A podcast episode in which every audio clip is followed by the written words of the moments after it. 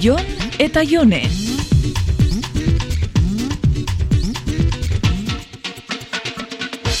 Baina ezin destazu olako zeozer olan bota. Et, et, eta zer egiten nahi duzu? Ez da nire kontua izan? Jasta, ostera be, biktimian haitxe. Bueno, bueno, bueno, jone, jone, jone. Ez daukat eh, beste aukerarik.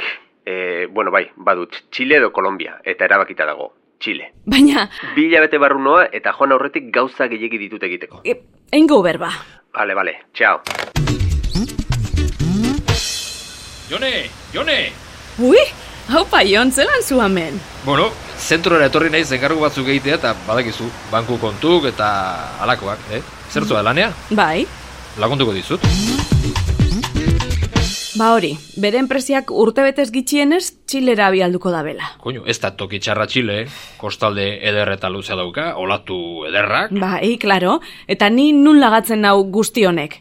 Jon, ume bat dakat berakin. Eta bizitza umian inguruan antolauta, eta oin dana pikutara. Habe, eta zen ezunik esatia, eh? Eo zer gauza esan dere berriro botako diazu. Nabari da bai zuk ez daukazula aurrik. Niko beraitzakin joaten danean arnazia hartzen do Jon. Eta nire egunerokoan holandakat organizauta eta oin dana aldatu beharko dugu eta... Jone, jone, aldaketak batzuten ez dira okerrerako izaten. Ez hasi zure filosofia kontu horrekin. eh. A ber, lasaituko altzea, eh? Eta ez moskeatu nerekin. A ber, zure exan noiz da joatekoa. Oskar deitzen da. Bai, ni nahiago dut zure exa esatea, eh? Ola klub berekoak izango bagina bezala. Bi hilabete barru doia seguruenik, baina ondiokan ez daki ziur. Bueno, pues badaukazu denbora gauzak antolatzeko. Lasai hartu, gaurkoa behintzat. Oskarrekin berba itzen duten bakoitzian gertatzen jata. Ostia txarras jartzeko kristo nabilidadia daka. Ta gainera, bueno, eh, eske, badaka oitxura bat, nerbixuetatik ibintzen nau. Bueno, zuri ez daizu asko kostatzen nervioetatik jartzea, eh? Agur esateko, txao esaten dau, eta gorroto dotori. Baina ezautu zenuenean ere esango zuen ba. Ke ba, bapatian hasi zan, ja eskonduta geua zenian. Ez dakiz ze pentsatzen daben, italianua dala, ero italianuen glamurra pegatze jakola txao esatia gaitxik, patetikua da. Nerekin zeundenean ere egongo zan zeo zer zure honetik ateratzen zintuna, ezta? Zeo zer, mhm, gauza nahiko txoion. A ber, a ber, a ber, ez ziren beste izango.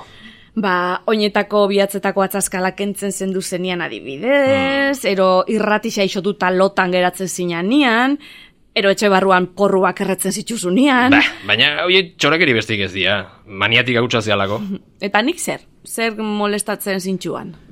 Bueno, ba, egia esan ez naiz asko akordatzen, eh? Bakizu ni halako gauzetarako ez naizela batere kiskiloso izaten. Dutxako desaguian pilautako uliak eta betizuk jasotzen zituzula adibidez? Ez, bertatik kendu egiten ditun takitxo. Enizun sekula ez esan horreatik. Eta ohera sartuta oinak izostuta ikutzen zintxudania? Ez, ez da hori ere. Baina, hoietan atxorekiri bestik ez dira. Aber, benetan molestatzen duten gauzetaz ari nintzen. Ba, zintzua izango naiz. Molestau ez, baina azkenengo astiotan despistatzen nauena, askotan alkarrekin gauzenian, ez dakit, brometan ero benetan berbetan ari zaran. Bueno, baz, zena ez esatia jone.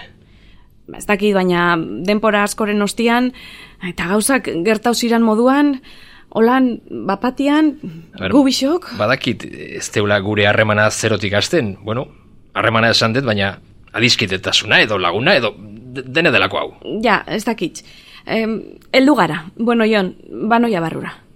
ez dakit nire tonua zein den, ez, ez den aite egiten, baina esango dizut gaur ez teula bapatean kasualidadez kalean topo egin. Agur, Jon. Txao, Jone.